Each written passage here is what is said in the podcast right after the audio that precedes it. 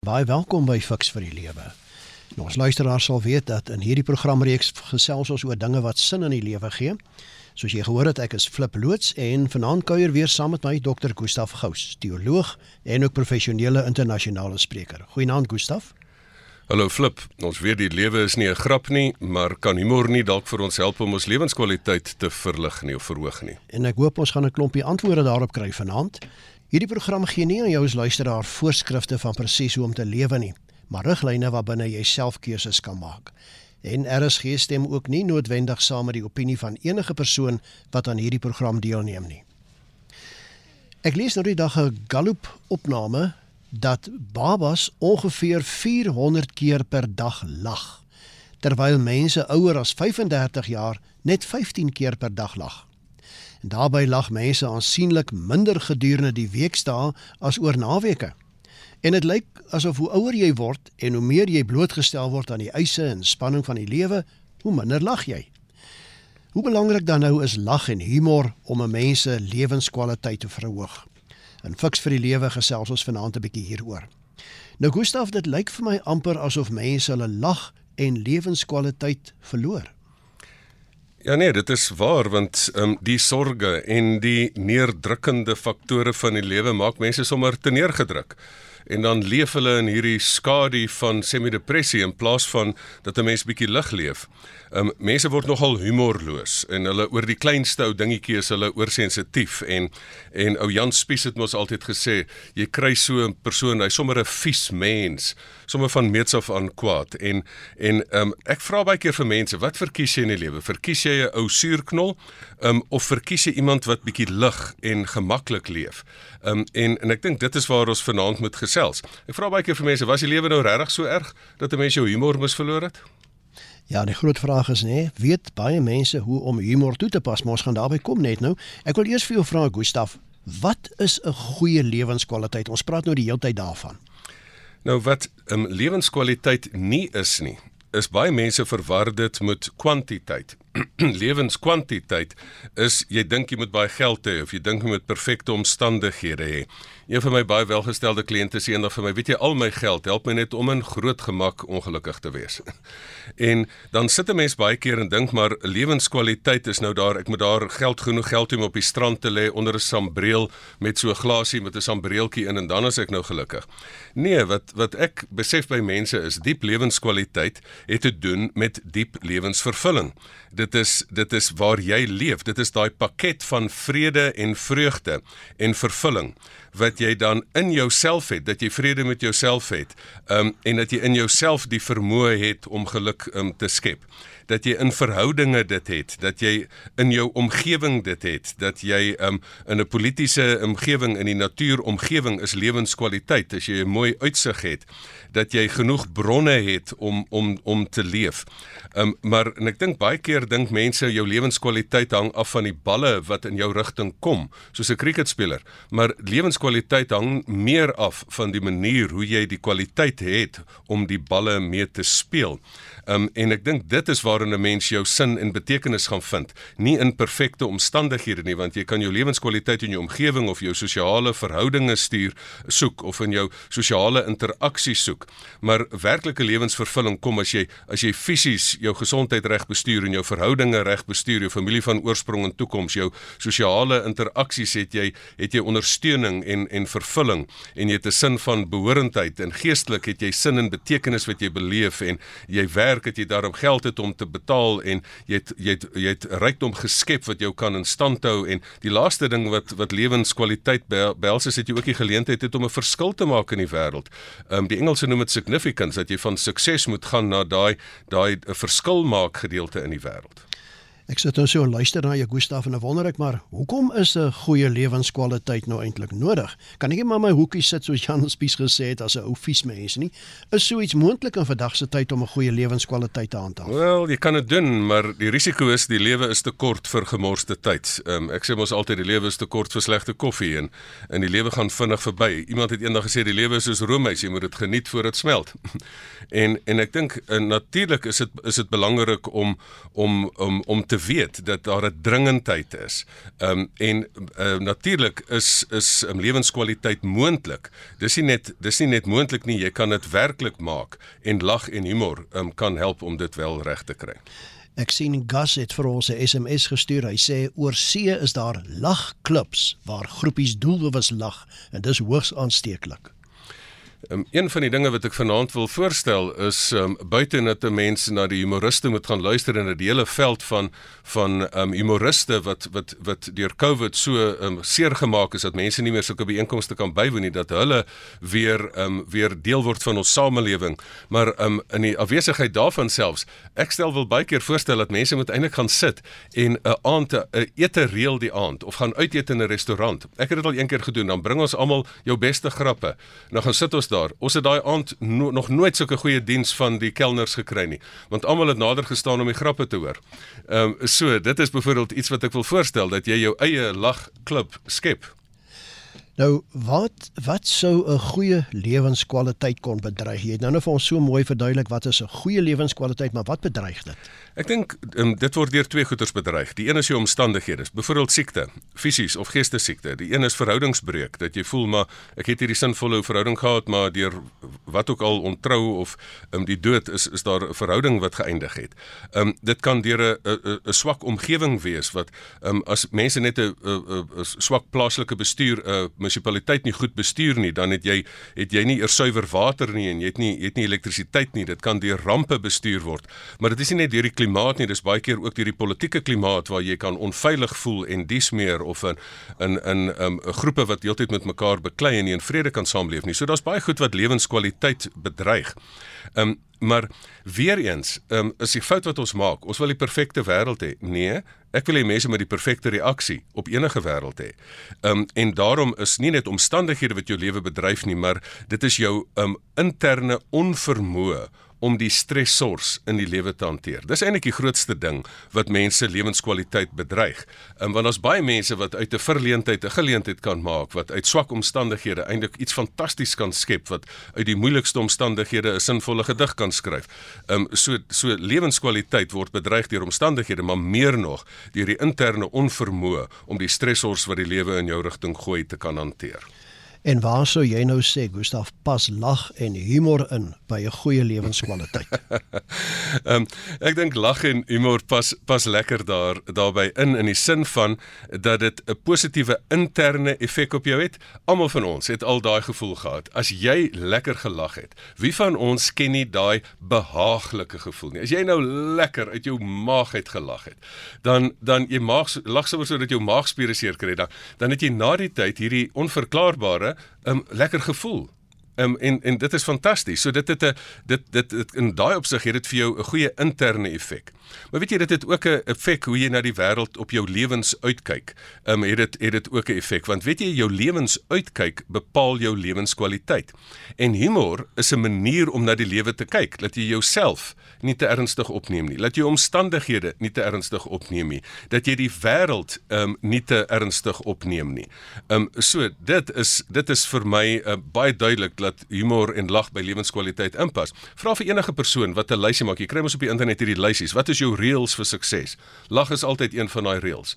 Will Smith het nou die dag nog weer so 'n lysie opgestel. In my eie 10 stresgebooie is dit nie net glo reg, dink reg, voel reg, oefen reg, eet reg nie, maar dis ook lag reg.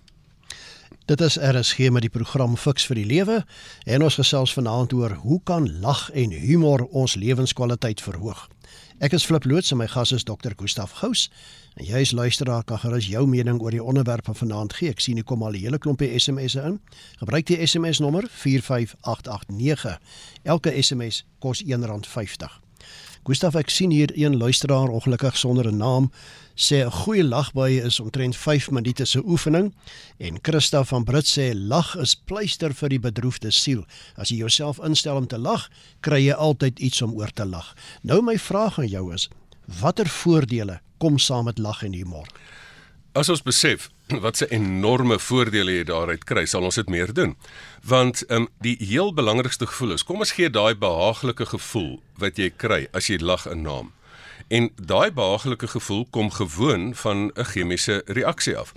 As jy lag, word daar endorfien afgeskei.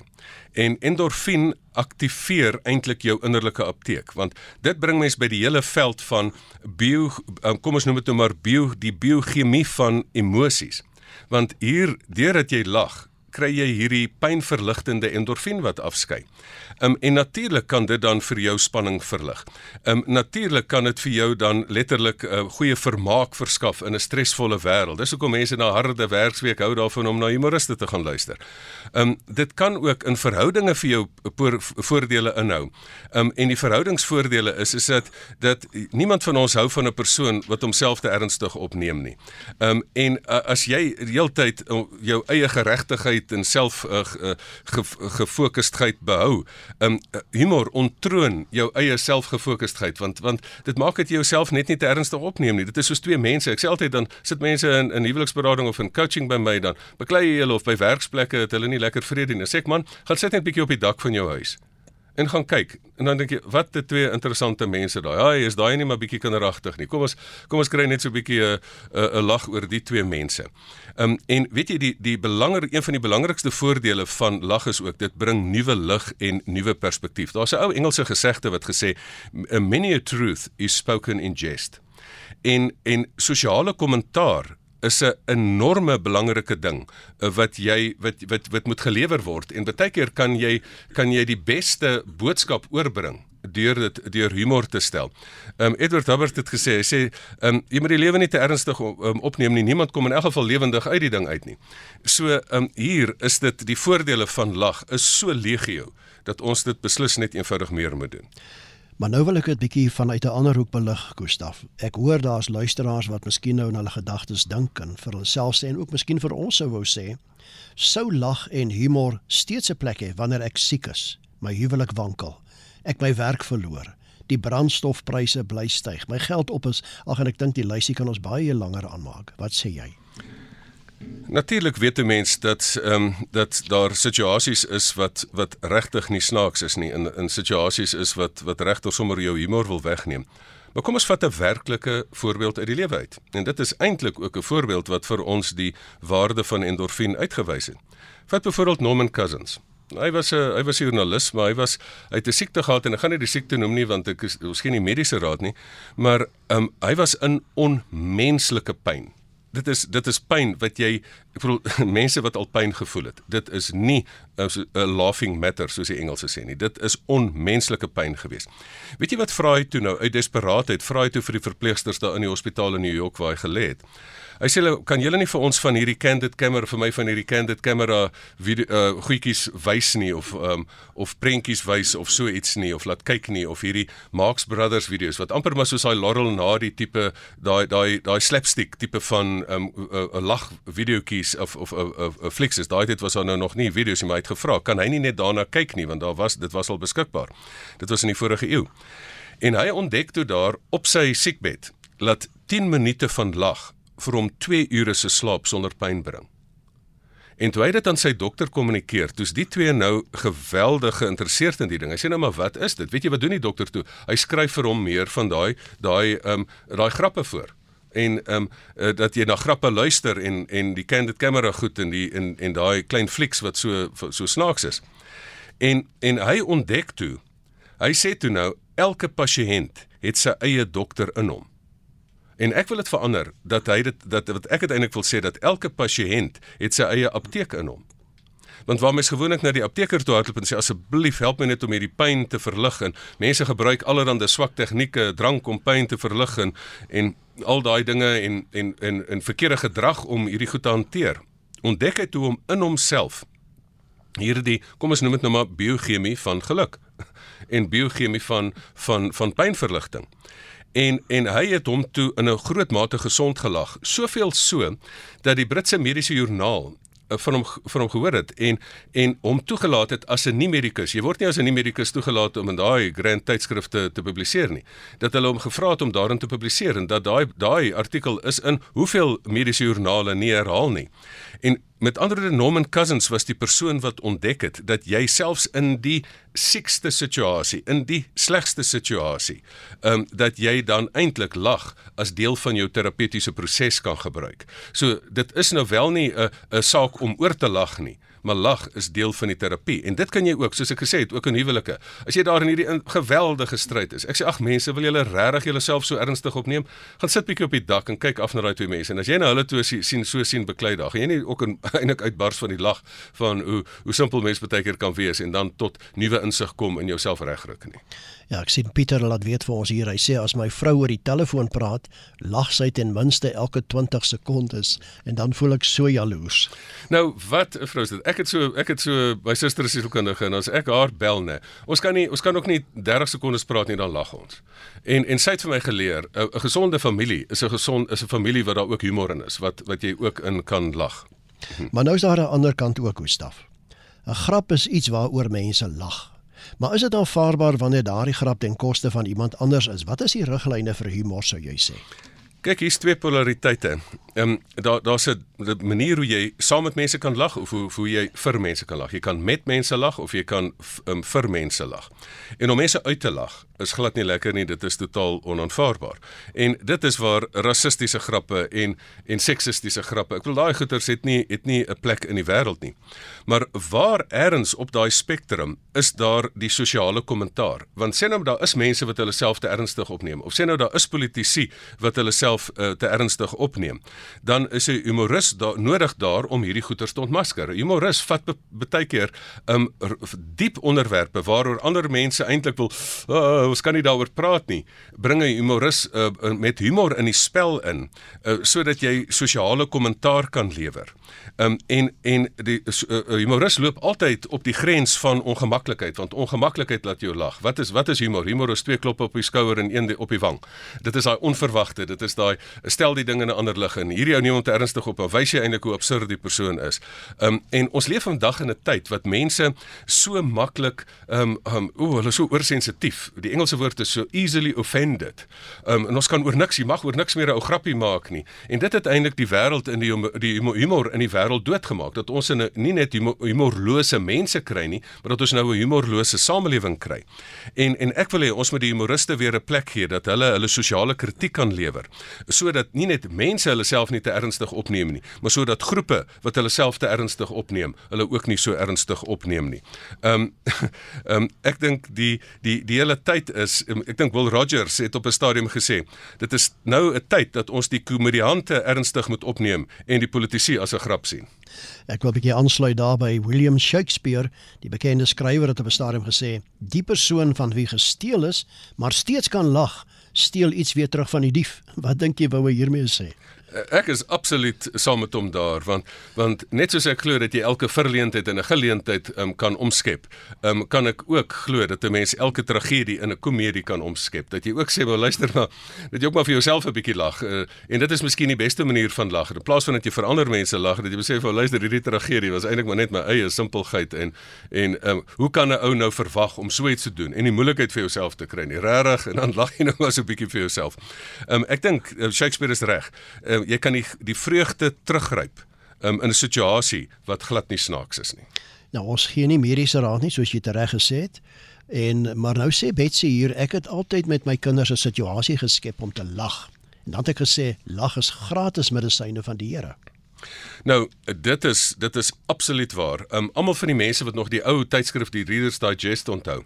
Daar was 'n afdelingkie Laughter the Best Medicine. En ek het dit altyd maar gedink is dis nou maar 'n grappie wat hulle probeer maak. Toe besef ek dit is medies waar. Ehm um, want as jy na die vier voelgoed, kom ons sê nou maar neurotransmitters gaan gaan kyk, dan is dit dopamien en serotonien en oksitosin soos die Engelse sê en dan dan ook endorfine. En in lag gaan dit dan spesifiek oor endorfine. Ehm um, lag is gratis. Jy kan jy jy hoef nie eers apteek toe te gaan nie.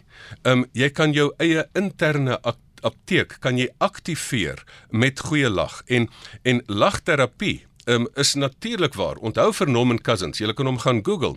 Die hele verhaal van Norman Cousins is fascinerend dat hy hom letterlik sy pyn weggelag het. Um en en en daai spesifieke lag is ook as jy um mense het baie keer gevra nou maar wat is hierdie storie van deur die pyndrempel breek? Nou toe ek groot geword het was Johan Fourie nou die groot atleet gewees. Hy's nou nog 'n afrigter en ek het baie bewondering vir hom en en en hy het altyd gesê as jy daar deur die pyndrempel breek en en ek het nooit geweet waarvan hy praat nie tot ek um Kilimanjaro geklim het en op die rand van die krater besef het ek gaan dit maak en daar kry jy hierdie endorfien inspuiting en waar jy pyn het wat soos hamer slaai in jou kop slaan dan is daar omtrent vir 10 15 minute is die pyn weg as gevolg van endorfien. En toe ek en toe ek dit 'n tweede keer beleef toe ek heel bo gekom het.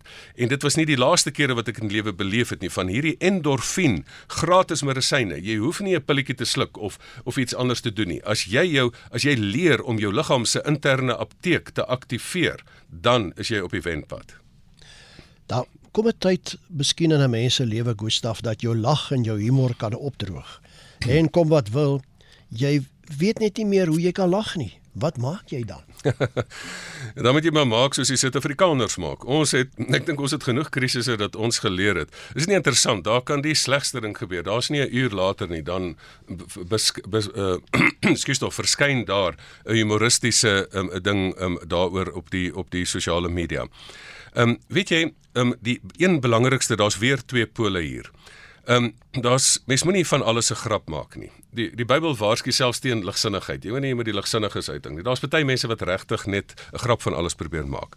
En daar is baie keer 'n ding ehm um, wat wat jy besef, maar hierdie is regtig nie snaaks nie. Ehm um, ons jongste dogter het een keer het ons nou grappie probeer maak oor iets wat sy as baie ernstig beskou het en toe sê sy nou in 'n interessante Afrikaanse Engels vermeng toe sê sy it's not funny nie. Nou ons almal is in daai situasie wat jy sê maar dit is regtig nie snaaks nie.